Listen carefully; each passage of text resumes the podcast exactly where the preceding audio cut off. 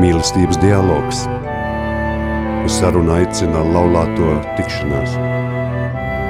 Palieciet manā mīlestībā, Jāņa 15.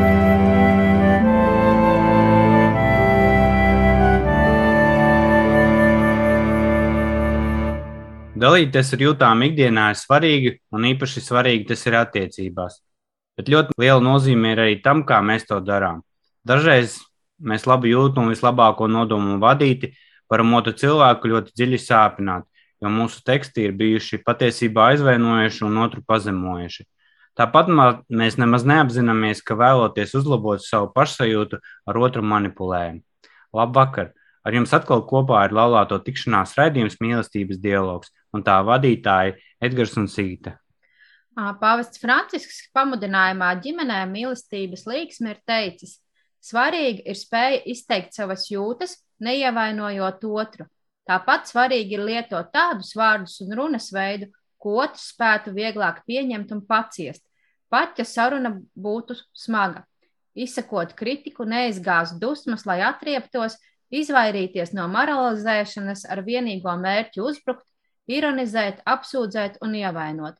Ģimenes strīdi lielākoties nenotiek ļoti nopietnos jautājumos. Dažreiz runa ir, pat, ir par mazsvarīgiem sīkumiem, un tikai izteikšanās veids un attieksme noved pie konflikta. Tātad šovakar mēs turpināsim runāt par jūtām, ko mēs iesākām oktobrī, Bet šoreiz runāsim par to izteiksmes veidiem, par tiešo un netiešo jūtu izteikšanu, kā arī par manipulāciju. Un mūsu šovakara viesi būs Udis un Daina Žurilo. Labvakar! Labvakar! Nu, iepazīstiniet varbūt tos mūsu klausītājus, kas vēl jūs nepazīst, kas jūs esat. Mēs esam pirmām kārtām mēs esam vīrs un sieva, un laulībā dzīvojam 20, šogad būs 27 gadi. Un, tos, kas, tu, tu, un tie, kas mūs pazīst, joprojām esam kopā. Jā, paldies Dievam.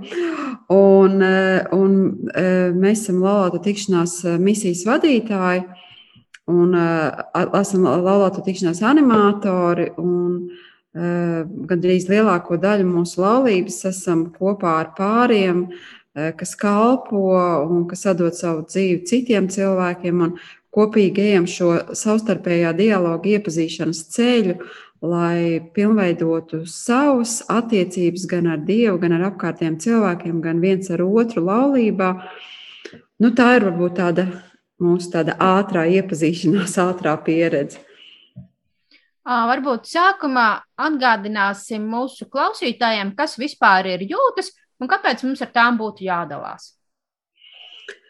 Jūtas ir mūsu tāda pilnīgi neatņemama personības daļa.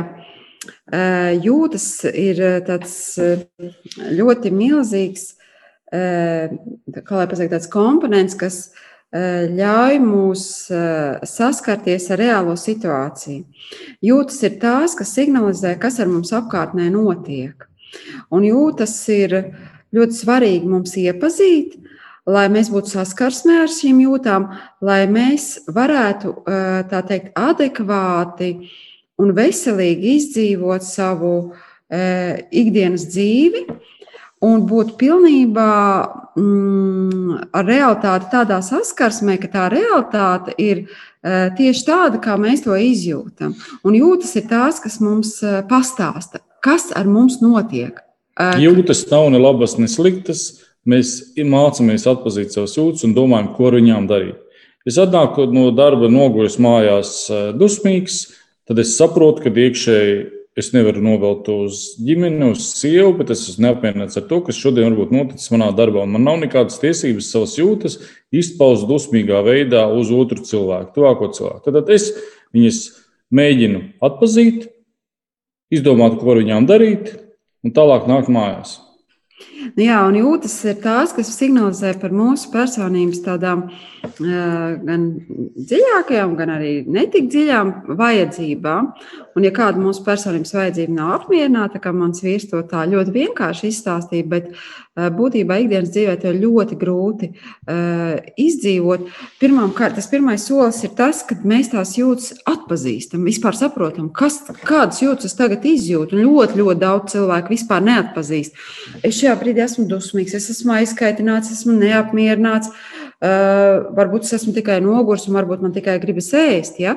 Un tas ir tāds milzīgs spektrs, uh, un, un tas tikai nu, tāds, nu, pateicu tikai tādu šauru lociņu, ja? bet uh, tās jūtas ļoti, ļoti dažādas. Pirmais solis ir iepazīt jūtas. Otrais solis ir uh, saprast, kā es šajā konkrētajā situācijā rīkojos, lai šīs jūtas uh, kontrolētu, lai vadītu. Nevis šīs jūtas vada mūsu, un tas ir tāds milzīgs uh, formula, definīcija, kas mums vienmēr jāatcerās. Tad, tajā brīdī, kad mēs jūtas nepazīstam, vai arī mēs noliedzam jūtas, jūtas sāk kontrolēt mūsu, sāk kontrolēt mūsu dzīvi. Un tas, kā mans vīrs stāstīja, ja mēs atnākam no tā darba un mums e, negribas iedziļināties savā dzīvē, savā jūtās un emocijās, tad tās dusmas kontrolēs mūsu, un mēs būsim tie, kas būsim mājās neapmierināti, tirāni dažreiz un, un darīsim pār saviem tuvākajiem cilvēkiem. Visi tos jūtas redzēt, bet mēs teiksim, nē, tās nav manas jūtas. Bet arī jūtu pasauli, kurā mēs iegūstam, sajūtam iekšējo prieku, mieru, drošību, apmierinātību, kas liek priecāties, pateikties par to, kas mums ir, un saskatīt tās vērtības, kurās mēs varam tālāk funkcionēt jau kā cilvēki. Jā, un tas, kā mēs arī skatāmies dzīvi, ka jūtas nav ne sliktas, ne labas, ne pozitīvs, ne negatīvs, bet jūtas ir vai nu patīkams otram cilvēkam, vai nepatīkams. Un tieši tāpat arī mums pašiem. Un starp citu, ļoti bieži noliet cilvēki jūtas tāpēc, ka viņi bērnībā ir piedzīvojuši tādus traumatiskus brīžus, kad vecāki, piemēram, ir tās jūtas nolieguši. Ja? Tu nedrīkst tā justies, tu nedrīkst nekad dusmoties, tu nedrīkst raudāt, tu nedrīkst būt neapmierināts, tu nedrīkst pārmērīgi priecāties un būt laimīgs, tu nedrīkst apskaut, pieskarties citiem. Ja? Tad arī mēs noliecam šīs jūtas un ieliekam kaut kādā tādā savā neapzinātajā smadzeņu plauktiņā vai sirds plauktiņā un nekad ar tām īsti nesaskaramies. Un tas ir arī ļoti traumatiski. Paldies par šo skaidrojumu. Un, ja mēs virzamies nedaudz tuvāk mūsu tēmai, kas ir jūtas, mēs tā kā apmēram esam sākuši nojaust. Un, kas tad ir tiešā un netiešā jūtu izteikšana, un varbūt kādus piemērus. Tad jums ļoti labi tas sanāca ar pašām jūtām. Jā, es varbūt arī sākšu ar to pašu vienkāršāko piemēru. Atnākot mājās, ko es jau pirms tam runāju, ievadot par jūtu pasauli. Piemēram, es esmu dusmīgs, atnācis mājās. Nu, ko es daru? Es cērtu durvis, metu zābakus pa gaisu, uh, Uh, ieraugu, kas man kaitina, sāku bļaut, kāpēc tas tā ir, kāpēc tā piedegusi panna, kas tur vēl kaut kas ir. Tas norāda, ka ikdienas, ikdienas kaut kādas rūpes vai raizes es noveļu uz tiem sīkumiem, kur, no kuriem es netieši, uz kuriem es tie, tieši norādu, bet netieši izpaužot savas neapmienātās vajadzības. Jā, piemēram, šajā gadījumā tas, ko Ulris izstāstīja, tas, tas vienkārši viņš varētu pateikt eh, saviem mīļajiem, tuviem cilvēkiem, pagaidiet, man vajag atpūsties, dodiet man laiku, es gribu sakārtot savas domas, es vēlos paēst, un tad, eh, tad mēs varam komunicēt, tad mēs varam runāt. Bet eh, šāda veida tāda, nu, netieši tāda, tāda sava ag agresijas, nu, tāda, tāda agresija izpausme var liecināt par to, ka eh, nu, neaizticiet, man lieciet, man, man, tagad, man tagad klājas slikti. Ja? Bet ja, ir ļoti grūti cilvēkiem pateikt, ka man tagad klājas slikti, bet viņš varbūt izrāda šās jūtas tādā agresīvā veidā.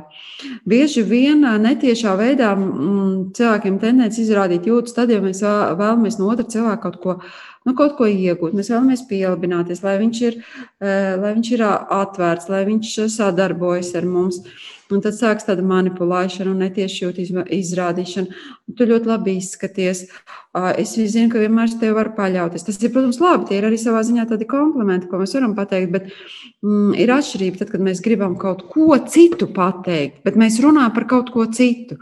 Tā ir tā netiešā jūta izpaušana. Un, starp citu, ļoti bieži cilvēki paši to nepamanā, jo viņi iesāks tādā veidā funkcionēt, tādā veidā dzīvot. Un tas ir saistīts savukārt ar mūsu tādu personības briedumu, cik ļoti mēs spējam uz otru cilvēku nu, skatīties tā tieši acīs un runāt tieši par to, kā mums tagad klājas.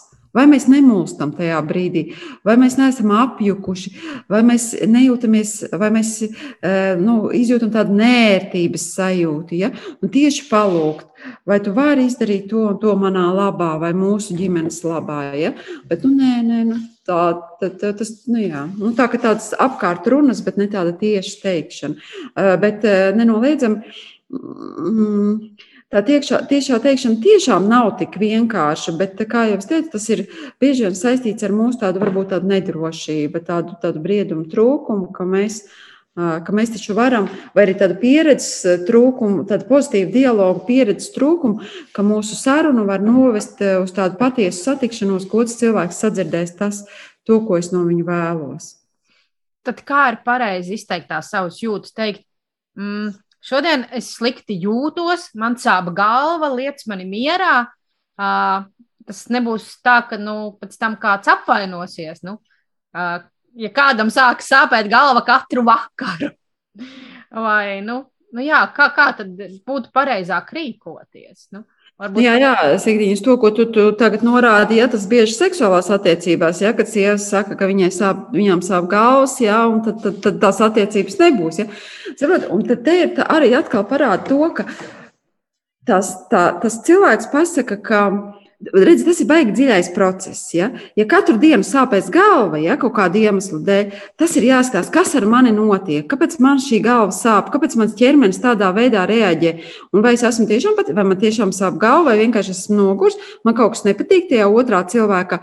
Es negribu iedziļināties šajās attiecībās, varbūt es tiešām esmu pārguris darbā. Ja?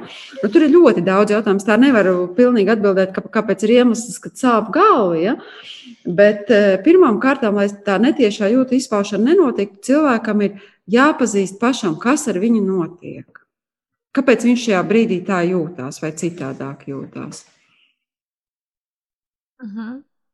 Atpazīt, mēs pie, piekrītam un pieņemam to un saprotam, ka uh, ir ļoti grūti uh, atpazīt tiešo un netiešo runu gan, no, gan citos cilvēkos, gan no sevis paša manipulāciju, vai arī pielabināšanos, vai arī kādas informācijas nodošanu, ehm, vai, vai atšķirt, piemēram, ehm, tādu diplomātisku, netiešu runu, kad mēs kaut ko runājam, bet neko līdz galam arī nepasakām.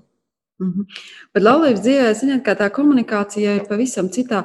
Dažreiz uh, Tad, kad tie, nu, tas pāris jau veidojās tādā ļoti ciešā savienībā savstarpējā, tad nevajag arī bieži vien varbūt tik ļoti daudz runāt. Pietiek ar tādu ar smaidu, ar to noguršo seju, ar tādu mierīgu klātbūtnes sajūtu, ka tas dod tādu uh, drošību, ka, te, ka divi cilvēki var viens otram neizlikties, um, nestāstīt kaut kādus pekstiņus, bet uh, vienkārši būt klātesoši un izbaudīt šo nu, savstarpējo laulības dzīvi. Uh, Es nezinu, kāds varētu būt saistīts ar tieši netošu jūtu izpausmi, bet es kaut kā dzirdēju tādu salīdzinājumu, ka visa sieva ir kā medaļa. Viena medaļa, bet katrai, kat, katrai dažādas, katrai medaļai ar katru savu pusi. Tas nozīmē, ka mēs esam gan kopā, tai pašā laikā neatkarīgi. Un, tas prasa īpašu delikātumu, īpašu spēju just, kā mēs viens otru komunicējam. Protams, tā ir viena komunikācija, kā mēs visi sīvi runājam vai dalāmies. Bet e, cits tās ir nedaudz ar citiem cilvēkiem, kā mēs e, veidojam sarunas, e, kā mēs varbūt manipulējam vai darbā vai, vai biznesa lietās. Bet tas, Egatīna, ko tu jautāji, ir ļoti svarīgi, lai mēs tajās sarunās neizpaustu kaut kādus vērtējumus tur. Uh, un, un piemēram, ne, neteiktu vairāk, nu, liec tu mani mierā, vai, vai tu varētu nejautāt man to, bet, bet dalīties ar to, nu, tad tiešām iepazīt sevi, nu, kā es šajā brīdī jūtos. Nu, man, man, man es tiešām jūtos slikti, man sāp galva. Varbūt ieteicināt arī otru cilvēku tajā sevis iepazīšanas vai kaut kādu palīdzību ceļā, bet varētu man palīdzēt saprast, eh, ka, kas, kā, kas ar mani noticis, vai kā man klājas, vai mm, kāpēc, kāpēc es tā varētu justies. Nu, nu, ļaut to brīdi nevis vienmēr nu, ar kaut kādām pozīcijām, kaut kādiem vērtējumiem vai kaut kādu atgrūšanu tam otram cilvēkam. Un tad beigās ļoti viegli ienāk šīs manipulācijas vai, vai netie, nu, tāda netieša runa, ja, kas arī sniedz tam pārim vienam par otru informāciju, ka nu, atstājies, tagad man ne, nu, nevajag tavu klātbūtni, vai, vai es gribu, lai jūs visi man liekat mierā. Uh, Bet, eh, bet to, to vienkārši pateikt ar tādām savām jūtām, savu pašsajūtu un neaizvainojot otru cilvēku, vai neatgrūžot, vai nevērtējot viņu. Bet, eh, bet, eh, ja mēs, nu, bet bieži vien ienāk tā vērtēšana, tas ir tāds uzreiz tāds cirtiens tam otram cilvēkam. Nu, lietas, ka man ir mierā, es esmu noguris. Ja? Un tas ir tas atkal ļoti slikti, jo tas otram cilvēkam uzreiz sniedz informāciju. Es neesmu vajadzīgs, es neesmu vēlams šajās, šajā brīdī, šajās attiecībās, un tas ienes kaut kāds, protams, ievainojums, norobežošanās arī tālākajās attiecībās. Piemēram, man bija ļoti grūti tikt vienu laiku galā ar uh, sievas norādēm par apkārt smukumu uzceltām mājām. Mēs paši veicām kādus celtniecības darbus, un braucot ar, ar mašīnu, vis kaut kur riņķī, man sieva rāda, šitam, pastāst, kāda šitam jumts ir, pastāst, kāda taitais siena. Es to ļoti tieši uz, uztvēru kā tādu pārmetumu, ka mums no tā visa šobrīd vēl nekā nav, un vēl garš process, par ko es arī iekšēji pārdzīvoju, bet tas man ļoti uh, tracināja, ļoti uzvilka manas jūtas, un es to uztvēru tieši kā tādu pārmetumu. Jā, bet tas tik interesanti redzēt, kā tā laulības dzīve tik ļoti interesanti kombinējas no tādām. Es nevienu brīdi, ne, es vispār, es to ļoti labi zinu, kā ir, eh, kā ir manam vīram, kā vispār ir eh, nu, uz eh, vīriešu ģimenē jau balstās visas tās ļoti, ļoti daudz rūpes. Mēs sievietes, protams, darām simts darbus vienlaicīgi. Un, un, un iekopjam to ģimenes pavārdu un par daudz ko rūpējamies, varbūt ko vīrietis nepamanā. Bet tāds fundamentāli vīrietis ir tas, kurš iznes, nu, tas tā, nu, normālā situācijā, ja, kad vīrietis tas, kurš iznes tās ģimenes rūpes, to drošību, arī to materiālo labklājību. Ja, nu, nav tādā, bet tas nav tādā vienmēr tiešā veidā, ja, bet tādā, nu, tādā tādā nu, ģimenes galvas un tādas rūpju, rūpju atbildības ziņā tas noteikti tā ir, ja, tajā, nu, ja tā ir funkcionāla ģimene, ja tajā ģimenē viss ir kārtībā. Un es to ļoti labi zinu vienmēr, un es to nekad vīram neesmu kā pārmetam pat domājis. Ja? Tādā vīriņi mums jātaisa šādas, šādas sēta vai šāda, šāda siena tai mājai, ja? pat iedomājusies neesmu. Ja? Es vienkārši pajūsmoju to, bet redzēt, kā otrs cilvēks to uztver kā tādu netiešu norādi, kā, kā ir jādzīvo. Ja? Tāpēc ir ļoti svarīgs šis savstarpējais dialogs, lai saprastu, vai vispār tā ir tiešā, netiešā jūta izpausme un vispār kas tas ir, ja? kā mēs, kā mēs sarunājamies. Nu, redziet, mēs varam runāt, es saprotu, ka mēs aizējām daudz no tēmas, bet katrā jau var tik daudz to slāņus atklāt. Ļoti grūti atklāt, kas ir tiešām netiešā. Vienās prātā doma ļoti, man liekas, ļoti tipiski varētu būt, kas atklātu tiešo un netiešo. Div, div, divi piemēri. Sieva stāsta vīram, zina, man kolēģei nopirka vīrs tādu skaistu gredzenu. Nu, pasties, nu, uz mana pirksta arī viņš būtu foršs, bet manai kolēģei tas gredzens ir uzlikts. Uh, otrs variants, sieva saka, zina, vīrs, es labprāt, nu, zinot to, ka uh, ir tur kolēģei tas gredzens smukais ar briljantu, varbūt sieva var drusku savādāk noformulēt to savu vajadzību. Es ļoti priecātos, ja man uz jubileju uzdāvinātu kādu laulību sapļo gada dienu un skaistu gredzenu. Vai tu to varētu atļauties? Tieši vai ne? es eh, gribētu tad, uh, rezumēt nedaudz šo tēmu. Tad no jums es sapratu, ka uh, jācenšas būt izteikt uh, tās jūtas tieši vai ne? Nevis netieši. Jā, jā, tieši, tieši jā, jācenšas, bet arī ne, nevis. Un, un saprotiet, ir ļoti liela atšķirība. Ja? Neteikt tā, tu man vienmēr dzēni izmisumā, un es tagad jūtos sagrauta. Ja? Nu tā, tā, tā mēs nerunājam laulībā. Ja? Jo tāpēc, tas otrs cilvēks vienā brīdī var apjūt ārpus, bet kā tu man vispār komunicēt? Es vispār nezinu, kā pie tevis pieiet. Ja? Bet tad ir jāsaka, ka es esmu, es esmu noskumusi, jo uh, tu man tu, tu, tu teici, ka. Uh, kad man tas bija jāizdara tā, un es to nespēju, tā iz, nespēju tādā veidā realizēt. Un, uh, man ir varbūt tā iekšēja sajūta, ka es nevaru kā, piepildīt tās tavas cerības vai tavas gaidas, vai tu vari man pastāstīt, vai tu man vari nākt palīdzēt. Es būtu ļoti pateicīgs, pateicīgs par to, ka tu piedalītos un mēs kopā veiktu to darbu. Vai nu, vienkārši runāt par sevi, kā mums klājas, nevērtējot otru cilvēku, nevienā mirklī. Jā, un man liekas, ka par to varētu runāt vēl daudz vairāk, bet uh, vispirms jau jābūt tam nosacījumam, ka mēs esam viens, viens, viens uz otru vērsti. Nevis uh, tas, ka es negribu viņu redzēt, es negribu viņu komunicēt, es vispār negribu viņu kopā dzīvot. Tad tā tiešā, netiešā runa ir pilnīgi bezjēga, un tā jūtu pasaule arī ir pilnīgā bezjēga. Tur ir viens nosacījums, ka mēs esam vienoti un mēs ejam viens pie otra. Un tas, ko vienmēr pa laulības, kad kaut kur runāju, es vienmēr saku, atceramies vienu svarīgu lietu laulības dzīvē ir jābūt tādai ļoti svarīgai īpašībai, labvēlībai, savstarpējai labvēlībai. Un visu mums ir jāatcerās, ka visu, ko mēs darām otram cilvēkam, mēs darām sev. Tas ir laulības moto. Visu, ko mēs darām otram cilvēkam, laulībā, to mēs izdarām sev. Tā kā mans vīrs teica, mēs esam viena monēta, mēs esam viena monēta. Un tas, ka mums no abām pusēm ir cita bilde, nu, tas jau šo monētu dara par tādu, nu, tādu īpašu. Un, uh, un, un piedot tai monētai to vērtību ļoti lielu. Bet, ja tā monēta būs ievainota, tad viņa visa būs ievainota. Ja? Tā kā tajā brīdī mums ir laulības dzīvē, ir pavisam, laulības dzīve pavisam tāda cita funkcionēšanas. Eh, veids, kā jebkuras citas attiecības virs zemes, ir pilnīgi citādāks. Ja? Un labvēlība tas ir, ko mēs savā praksē, mm, gan strādājot ar pāriem, esot kopā, uh, atbalstot bieži vien arī krīzēs, tas ir tas, kas, tas posms, kas ir ļoti iztrūcis. Un pie tās jāstrādā uzreiz tajā brīdī, kā divi cilvēki iepazīstās un vēlās. Un sākumā un vēlās būt kopā. Sākumā šī labvēlība ir ļoti dabiska, ja, jo tas tur nostrādā visi tie instinkti, ja, savas, uh, savas dzīves tālāk nodošanas vajadzības, ja, pilnīgi tādā instinktīvā līmenī ja, cilvēki funkcionē. Bieži vien tad, kad tieši salauzās, uh, šīs robežas ir uzstādītas, tad, es, tad mēs esam ievērojuši, ka praksē pāri, o, oh, viens var atslābt. Un, un otrs nesaprot, kas notiek. Ja pazūd šī labvēlība, nu, mēs jau esam visi tajā būrītī iekšā, ja? bet nu, jāturpina strādāt, laulība ir darbs.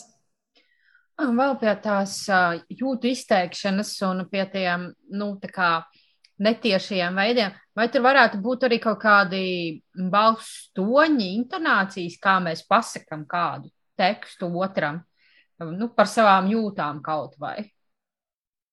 Un tādā veidā var rasties konflikts, kaut kāda ievainojuma, tāpēc, ka liekas, ka, ā, tavs tonis ir bijis pārāk indīgs, pārāk kas, pārāk uzbraucošs tur. Ir taču tas teiciens, tas tonis, Nu, tas tonis, un tieši tā neverbalā komunikācija, cik mēs tur zinām, procenti ir 65, ir rodās pie, vispār pirmajās, pirmajās sekundēs, ja par otru cilvēku atnāk tev mājās jau noskanējumi, ja, kas tur ar viņu ir, ja. Un ko, ko mēs tad, tad vēlamies darīt? Dažreiz nevajag eh, daudz pateikt. Bet tas viens pats vārds, Nu, Padomājiet, to pašu teikumu, es tevi mīlu. Ja? Viņi var pateikt tik daudz, teiku, tik daudz variācijas, ka beigās mēs varam pateikt to teikumu, es tevi mīlu. Nu, tas var būt tā, ka nu, stabili es tevi nemīlu. Ja? Nu, pilnīgi ja? cita informācija. Pie tā ir ļoti jādomā. Bet es starp citu tagad iedomājos, ka jūs jautājat par to, kā ir ar, tām, ar tām manipulācijām un, un, un tieši tādām e, tādu netiešo runu. Man liekas, ka te var. Nu jā, tad, protams, var būt ļoti indīgi tie toņi, bet dažreiz var būt pārāk saldi un pārāk tādi uh, mm. nu, labvēlīgi, kā, ja, bet īstenībā ar vēlmi. Tas nozīmē, to, ka mēs to otru cilvēku reāli necienām. Nu, mēs nevaram ar viņu runāt kā divi pieaugušie. Kas, redziet, tas viss ir ļoti dziļi tāds terapeitisks process, dziļi garīgs process, kas ar mums notiek.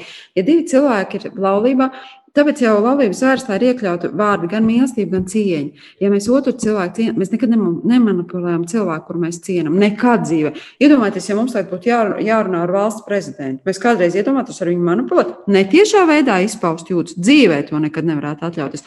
Jo mēs ļoti cienām šo personu, mums viņa ir autoritāte. Ja? Un tā arī laulībā katru rītu piemostamies, paskatāmies uz otru cilvēku. Mēs, viņš ir mūsu prezidents, mūsu dzīves mm, svarīgākā persona. Mēs ar viņu nevaram atļauties manipulēt. Pirms raidījuma mēs mūsu sociālo kontu Facebook un Instagram lietotājiem arī uzdevām jautājumu, kā viņiem veicās ar jūtu izteikšanu, kāda ir viņu pieredze, izteikt jūtas tieši, netieši, kāda ir viņu pieredze ar manipulāciju. Un mums atrakstīja daži cilvēki, un es vēlētos nolasīt vienas sievietes, viņas sauc Lāsma viedokli. Es, protams, zinu, kā pareizi vajadzētu izteikt savas jūtas, un esmu iemācījusies tā rīkoties. Piemēram, kad man ir kādas dusmas vai man kaut kas nepatīk, es to tieši pasaku. Vienīgais, ja mani izsita no līdzsvara tā negaidīt, es varu norauties un tad sāku izteikt kā netieši jūtas.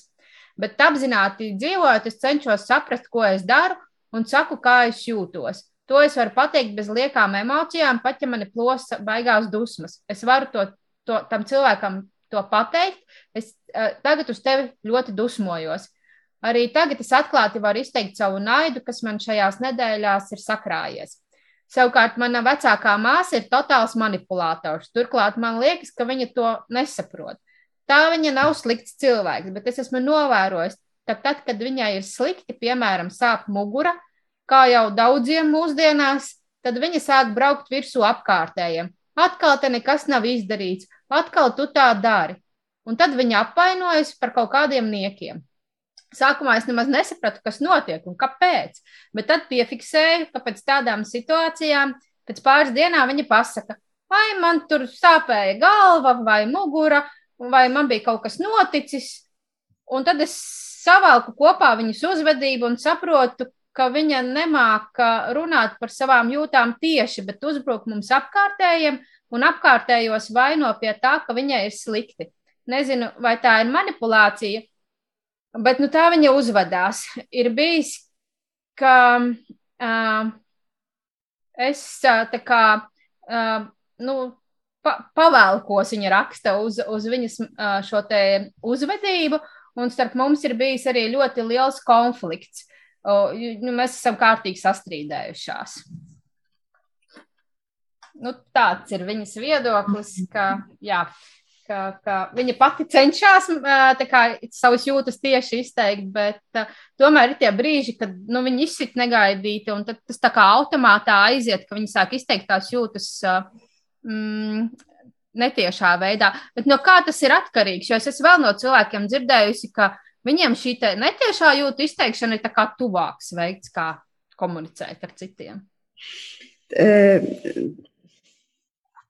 Kāpēc mēs vispār nesaskaramies ar savām jūtām?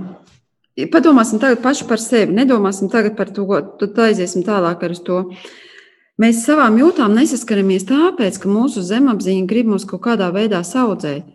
Parasti cilvēki, kuri ir auguši harmoniskās ģimenēs, Viņi ir psihiski veseli, garīgi veseli. Viņi spēja realitātei ieskatīties acīs e, un ar to sadzīvot. Tad, kad mēs esam saņēmuši traumas, un mēs gandrīz visi esam saņēmuši traumas, jo nu, pasaule nav, mm, nu, viņa nav ideāla, kādu varbūt mēs varētu vēlēties. Uh, Tad mūsu tā zemapziņa funkcionē tā, ka viņa dažas lietas neparāda mums patiesi, tā kā tās ir.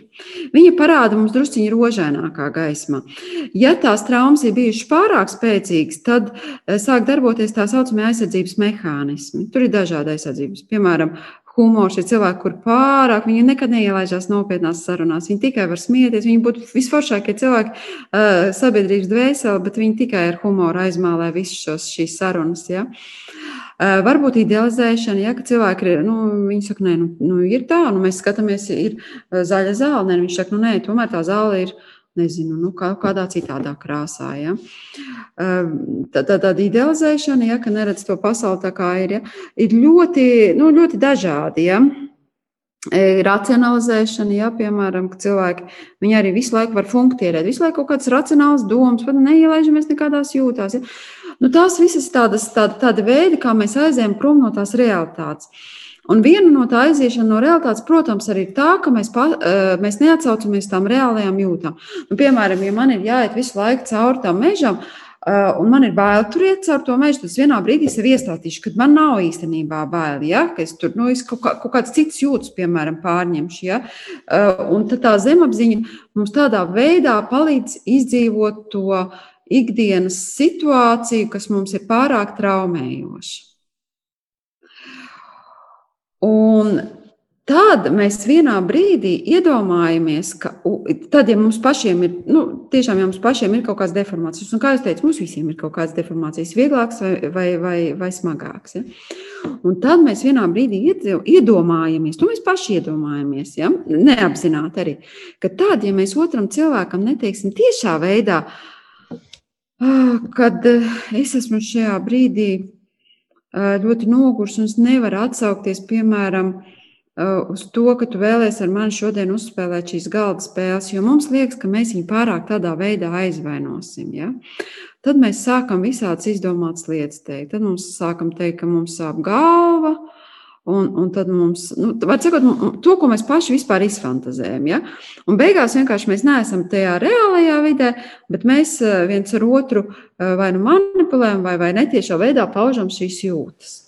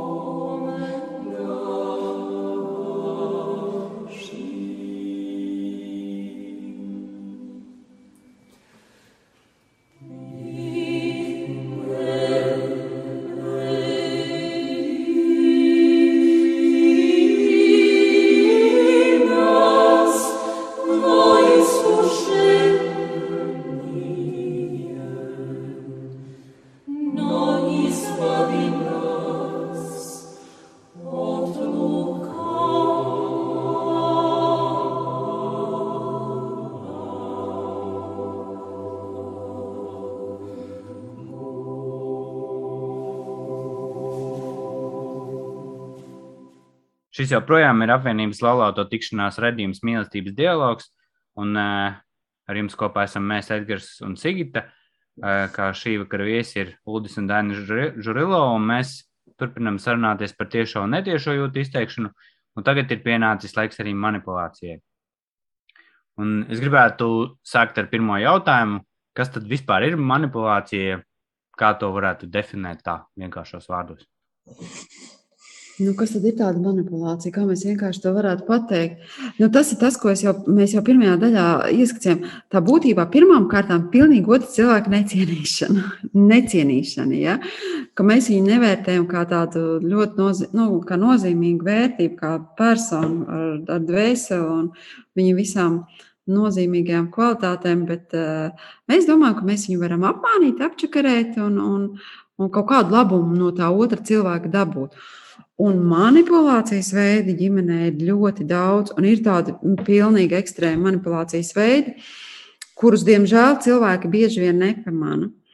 Tie manipulācijas veidi var aizvest tik tālu, ka cilvēks, lai manipulētu ar otru cilvēku, viņš izvēlas uh, slimot, viņš izvēlas um, visādas ekstrēmas. Um, kaut kādas kataklizmas, kaut kādas neveiksmes, lai to otru cilvēku, ie, piemēram, lai iežēlinātu. Ja?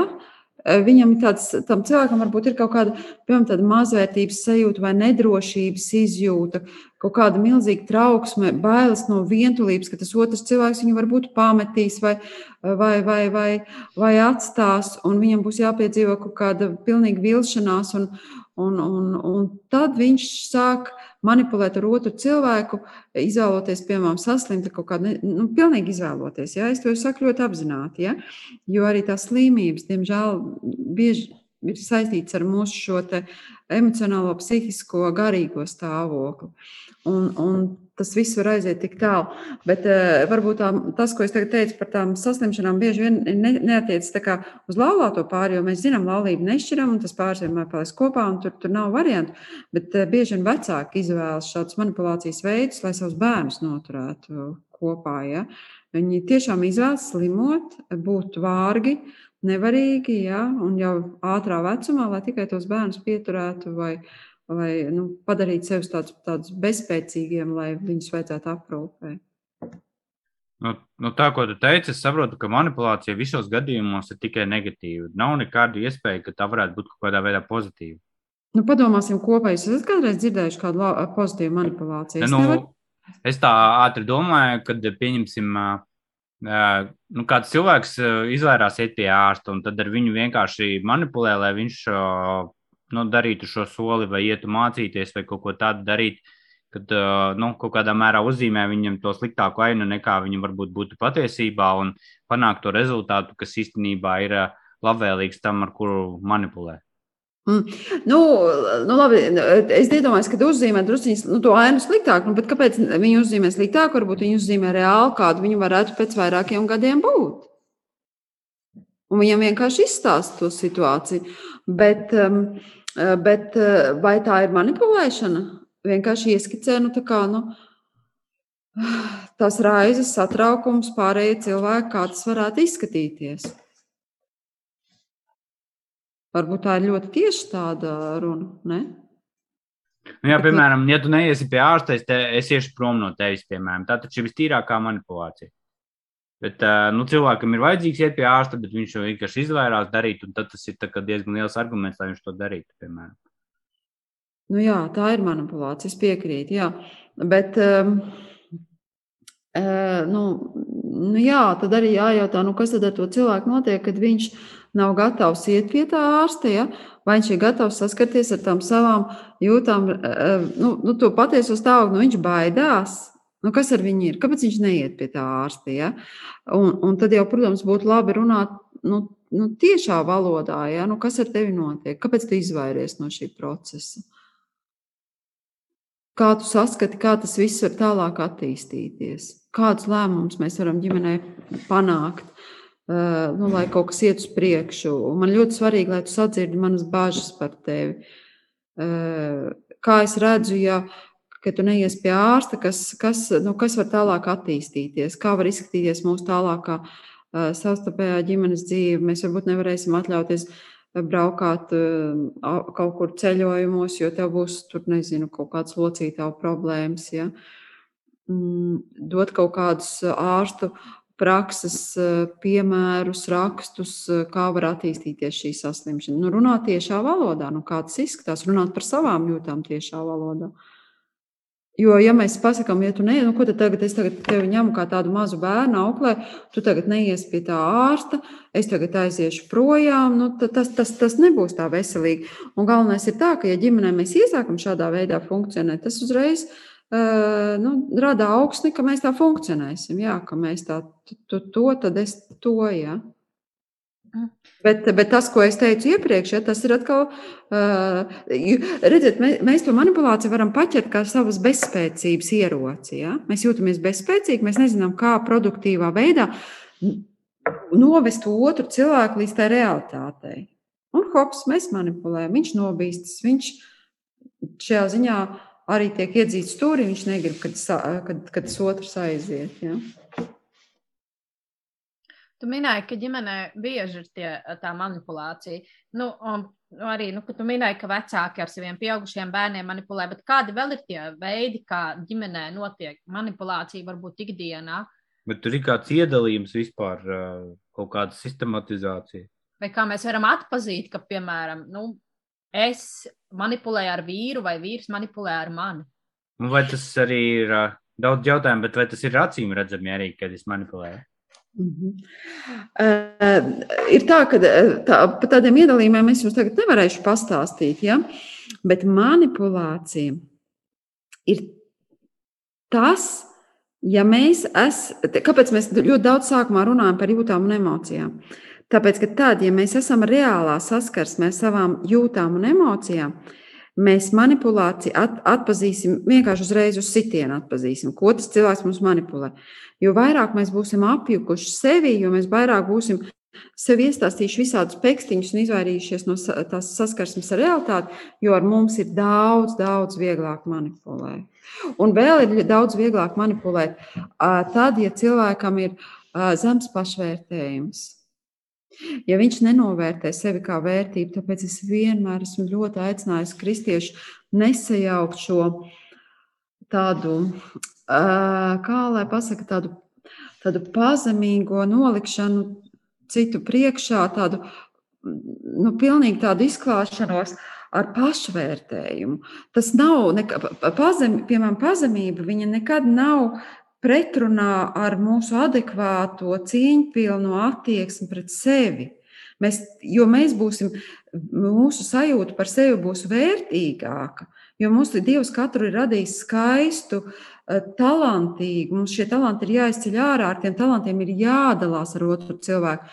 Ja cilvēks tagad iet pa dzīvi, nu, es esmu tāds niecība, ja? tā arī, starp citu, ir ļoti liela manipulēšana. Redz, mēs atkal uzķeram tas, ka es neesmu nekā vērts, ka tā ir tāda milzīga manipulēšana, ka cilvēks skatīsies, te, pastieties, cik viņš ir pazemīgs cilvēks. Mums visiem ir jāmācās, ir jāskatās, kā, tā, kā, kā tas cilvēks dzīvo. Ja? Un tā ir milzīga manipulācija. Un tas eh, noved pie tā, ka mēs otram cilvēkam vispār neko neesam spējīgi ja, dot. Tā, tas ir ļoti daudz tādas kvalitātes, kas ietekmē to, vai mēs ar otru cilvēku manipulēsim vai nē. Ja mēs esam teiksim, tādi pašu, ar, pašu, ar augstu, adekvātu pašvērtējumu, e, pazīstam sevi, tad, e, tad e, mēs ļoti ātri atšķirsim to, ka kāds grib ar mums manipulēt. Un to izbeigts. Es, man liekas, ka manipulācija šīs dienās, šīs gados, jeb gadsimtā, ir manipulēšana ar gadgetiem. Mēs zem gadgetiem varam paslēpties, ka mēs skatāmies ziņas vai kaut ko datorā strādājam, bet tajā pašā mēs laikā darām to, ko varbūt negribētu otrs zināt. Eh, to, ko nu, mēs eh, izmantojam un manipulējam ar otru, ka mēs esam pavisam visam citā pasaulē. Eh, tā arī zināmā mērā varētu būt manipulācija gan pašam pret sevi, kā melu, meloju, sev, ka es strādāju vai kaut ko citu tur nepārtraukti daru. Un otrs ir manipulēt to, ka viņš parāda, ka viņš strādā, bet tajā pašā laikā tur tiek bakstīts telefons, vēl kaut kas un darīts kaut kas cits lietas. Bet manipulācija ar citiem cilvēkiem, ar pretēju dzimumu cilvēku, piemēram, sarakstoties, uzturot savu tādu, nezinu, um, randiņu pasaulītē, vēl kaut ko. Nu, jā, tāda pēkšņi tajā paralēlē, paralēlajā, tā, tas, protams, tas, tas, tas tā var būt. Jā. Un vēl manipulē tā, tā, tas eh, cilvēki, kā jau es teicu, to zemo pašvērtējumu, un viņiem, protams, ir viegli manipulēt, un viņiem ir ļoti viegli kāpt pāri viņa robežām. Un kāpšana pāri robežām arī ir viens no tādiem manipulācijas veidiem. Ja? Bet to cilvēks vai nu atļauj otram cilvēkam, vai neatļauj. Un, to, un starp citu, mēs visi, visi, pilnīgi visi ļoti ātri saprotam, vai mēs varam ar šo cilvēku manipulēt, vai mēs ar viņu nevaram manipulēt. Tieši tāpat kā kāpt pāri robežām. Būs vienmēr cilvēki, kuriem darbā uzkraus vairāk darba, paralēli tam darbam, ko viņi jau dara, un arī nu, uzdos ar vien vairāk, vairāk. Un būs cilvēki, kuriem nekad neatļausies. Ja? Un būs cilvēki, kuriem nekad neatļausies kāds pienākt saldā balstiņā un pateikt, cik ļoti labi izskaties, vai tu vari izdarīt to un to. Ja, ja tas ir manipulācijas veids, jo cilvēks uzreiz noreaģēs. Viņš savā sejā jau to parādīs. Pagaid, to ar mani tā nedarīs. Ja. Mm -hmm. Es gribu nolasīt vēl vienu viedokli, kas tieši kā, ir no pieaugušas sievietes, bet tā, nu, tā ir viņas šī brīža sajūta laikam. Uh, Visu dzīvi esmu saskārusies ar mātes manipulācijām, bet tikai ap 30 gadiem sāku apzināties, kas īsti notiek. Vienmēr bijis ārkārtīgi sarežģīti runāt ar mammu, jo zināju, ka viņa uzreiz sāks izteikt savu viedokli nevis mēģinās ielīst manā ādā. Mātei ir ļoti grūti sevi identificēt ar apkārtējiem un pieņemt, ka kādam var nepatikt tas, kas viņai, tāpēc labākais manipulācijas līdzeklis viņai vienmēr ir bijusi palīdzēšana. Bērnībā es nevarēju saprast, ko es daru nepareizi un kāpēc viss it kā ir kārtībā, bet tā kā nav kārtībā. Tikai tagad no malas raugoties, kā viņa uz visiem 100% iesaistās radu bērnu audzināšanā, saprotu, kas nebija kā vajag. Bērnam teorētiski viss ir, ko viņam vajag, bet tāds, ko izvēlas mana mamma. Bērns grib hobiju, veidu izvēlas viņa. Bērns grib leli, tad tādu, kādu grib viņa. Bērnam nedrīkst griezt matus un durt ausis, jo kādam liekas, ka tas nav skaisti un vajadzīgi. Tas viss uh, tiek uh, visu laiku paskaidrots ar mums tā patīk, mums tas piestāv, mēs taču tādas neesam un tā nedarīsim. Arī manos 30 plus gados reizēm, arī man, manos 30 plus gados reizēm gribas izrunāties ar mammu, pastāstīt par savām pārdomām un idejām, par pārdzīvojumiem, bet es saprotu, ka pirms padoma un atbalsta būs jānoklausās lekcija par to, ka manas idejas nav labas un kāpēc vispār kāpēc man vispār to vajag un kas gan man pašlaik trūkst. Kad mēģinām runāt, tad man jādzird mierinoša piezīme. Tev nu gan ir labi, tev neviens mājās negaida un netraucē, ne tā kā man, lai gan viņa nemaz nemēģina uzzināt to, ka mans lielākais sapnis ir ģimene. Viņa svēti tic, ka tas, kā viņa uzvedas, ir rūpes un nekas vairāk. Viņa kāds mēģina apgalvot pretējo, doma nepareiza. Ja ir Jo ir tikai divi viedokļi - viņas un nepareizais. Ja kāds iebilst, seko vairākas dienas ilgs klusums. Nu, jāsaka tā, ka tā, tiešām paldies tai sievietei par to dalīšanos. Tā ir mūsu uh, Latvijas tāda klasika. Ja? Nu, es domāju, ka ne tikai Latvijas, arī citās valstīs tieši tāda klasika. Ja?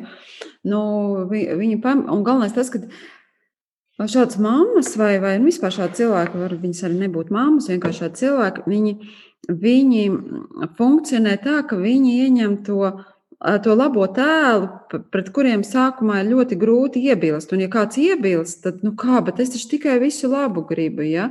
Tas nozīmē to, ka tam cilvēkam ir tik ļoti nu, dziļi, nu, dziļi terapeitiski procesi jāaiziet savā dzīvē, lai viņš kaut ko vispār dziedinātu, izārstītu, lai, lai ieraudzītu ja, sevī tās daudzās disfunkcijas, bet, diemžēl, tā nu, ļoti daudzos gadījumos nenotiek.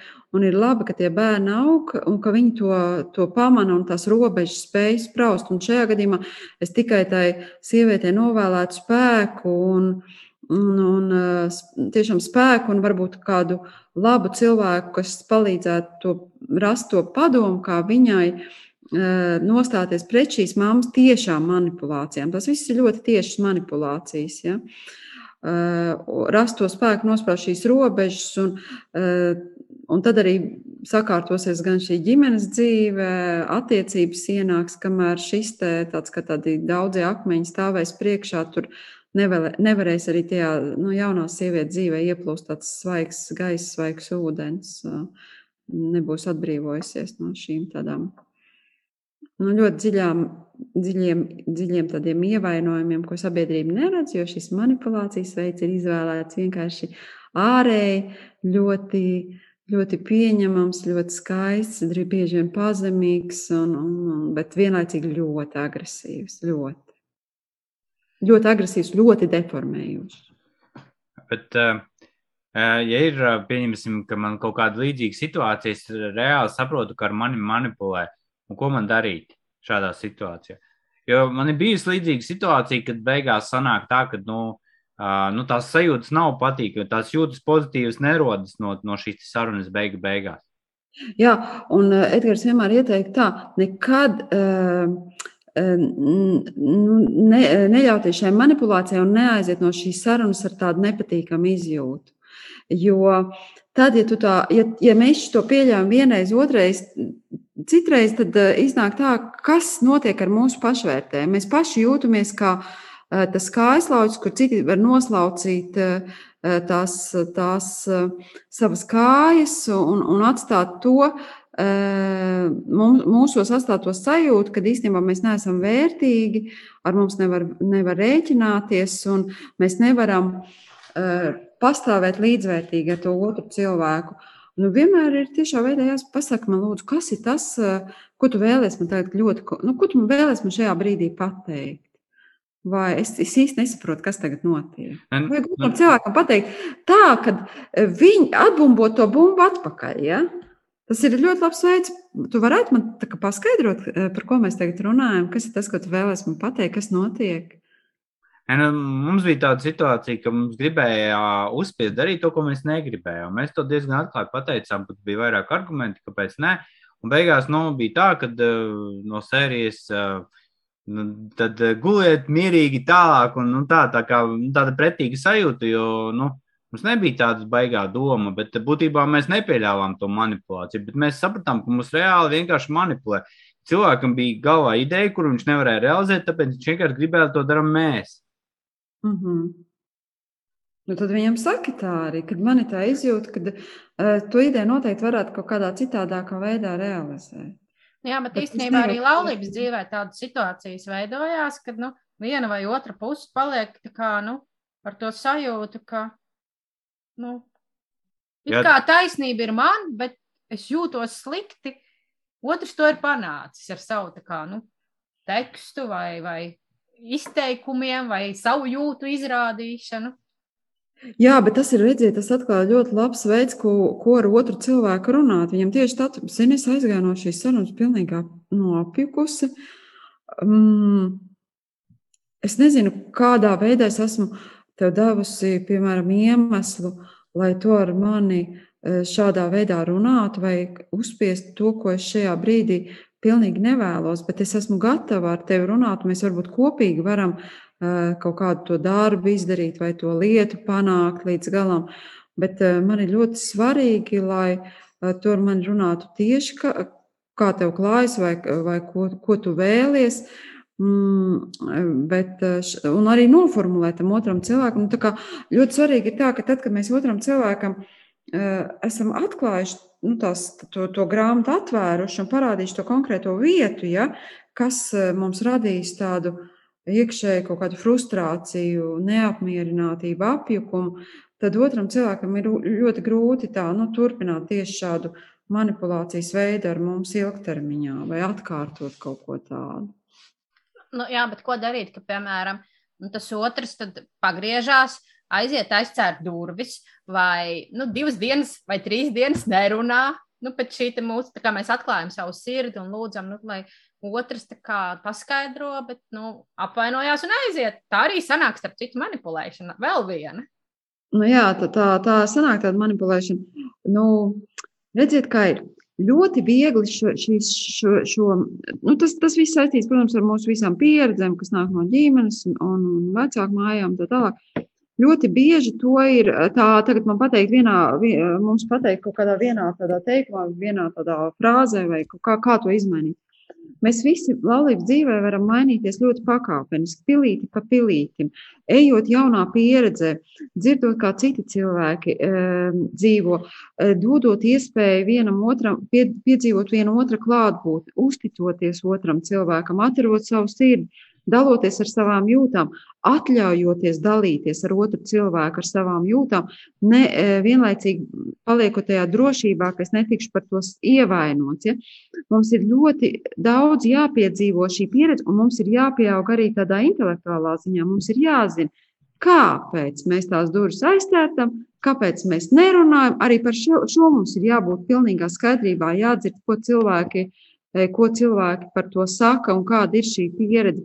Tāpēc tāda viena teikuma noteikti nebūs, kā to darīt, bet tas būs atkal tāds milzīgs darbs, kurā es vienmēr iesaku, ja ir kaut kādi jautājumi, neiet, eh, neiet diviem cilvēkiem eh, kaut kādā, pie, nu, visus grābekļus nepaņemt pa ceļam, ja tā teikt, bet eh, atrast pieredzējušus cilvēkus, kas ir gatavi un atvērti dalīties. Es domāju, mums laulāto tikšanās ir ar lielu pieredzi un piedāvā daudz eh, dažādas formas, eh, iesaistīties, būt un, un strādāt pie savas laulības un būt laimīgiem. Un es to vienmēr aicinu, nenožēlot to laiku pie darba, jo tad vienmēr būs arī saldi augļi. Dažreiz mums liekas, ah, nu, tas darbs jau ir tāds, tāds grūtāks un jāvēltī laiks, un ir tik daudz citu iemeslu to darīt. Bet tad arī izpaliek tie saldie augļi. Tā kā mēs to aicinām iesaistīties visā. Paldies par jūsu vērtīgajām domām. Arī es ceru, ka klausītājiem nedaudz kļūst skaidrāks par šo jūtu izteikšanu, ka mums jācenšas tās jūtas izteikt tieši tiešā veidā un nemanipulēt. Un Mūsu laiks ir pagājis diezgan ātri. Paldies, ka bijāt kopā ar mums mīlestības dialogā. Kā jau mēs ar mūsu viesiem, vismaz es sapratu, ka mums ir jārunā vienam ar otru un arī aicinam jūs veidot savu dialogu. Un kā Daina minēja pašās beigās, tad Laulāto tikšanās tiešām piedāvā šādu iespēju. Mēs organizējam pasākumus, kas palīdz šo dialogu uzturēt. Un viens no šādiem pasākumiem no 6. līdz 8. maijam būs nedēļas nogales pasākums tiem pāriem, kas ir jau apmeklējuši pamatrekolekcijas, būs padziļinātās rekolekcijas ar uzsvaru uz vajadzībām. Un tā būs iespēja labāk iepazīt vienam otru, otra jūtas un arī izteiksmes veidus. Savukārt tiem, kas nekur nav bijuši saistībā ar laulāto tikšanās, ir iespēja 3. līdz 5. jūnijam apmeklēt pamata nedēļas nogali, un informāciju par šo visu var atrast mūsu mājaslapā www.laulātiem.lv. Tāpat arī pāri, kas jau ir apmeklējuši mūsu organizētās nedēļas nogales un vēlas atjaunot savu dialogu vai turpināt to, tad var piedalīties mūsu pagaidām attālinātajās mazajās grupās. Informācija par tām visām var saņemt mūsu Facebook lapā vai arī rakstot uz e-pasta laulāto.tikšanās ar gmail.com vai arī mūsu mājaslapā www.laulātiem.lv. Arī šeit jūs varat atrast informāciju par to, pie kā var griezties krīzes situācijas, arī kā Daina pieminēja šo viņu darbu, un, un mūsu animatori labprāt sniegs jums atbalstu. Protams, ja jums ir kādi ierosinājumi par tēmām, par ko mēs varētu runāt un turpināt šo sarunu, arī mēs tās laipnīgi gaidīsim no jums. Un savukārt ēterā mēs ar jums tiksimies 8. maijā. Bet nobeigumā laulāto tikšanās lūkšanu. Kungs, Jēzu, es lūdzu tev dialogu dāvanu mūsu laulībai. Palīdzi man vēl labāk ieklausīties manā sievā, palīdzi mums apusēji labāk iepazīt vienam otru, dalīties vienam ar otru, piedot, vienu, piedot viens otram, dod mums delikātumu un maigumu mūsu sarunās un dari, lai tās vestu pie patiesās tikšanās vienam ar otru un abiem kopā ar tevi. Palīdzi mums aizvien labāk pieņemt vienam otru, radīt vienotību, kurā varam palikt tādi, kādi esam. Lūdzu, dziedini to, kas mūsos ir sarežģīts un grūti panesams, kas mūs šķir, un palīdz mums visus lēmumus pieņemt ar mīlestību, kas izriet no dialoga vienam ar otru un ar tevi. Palīdz mums priecāties par mūsu laulību un vienmēr palikt tavā mīlestībā. Āmen!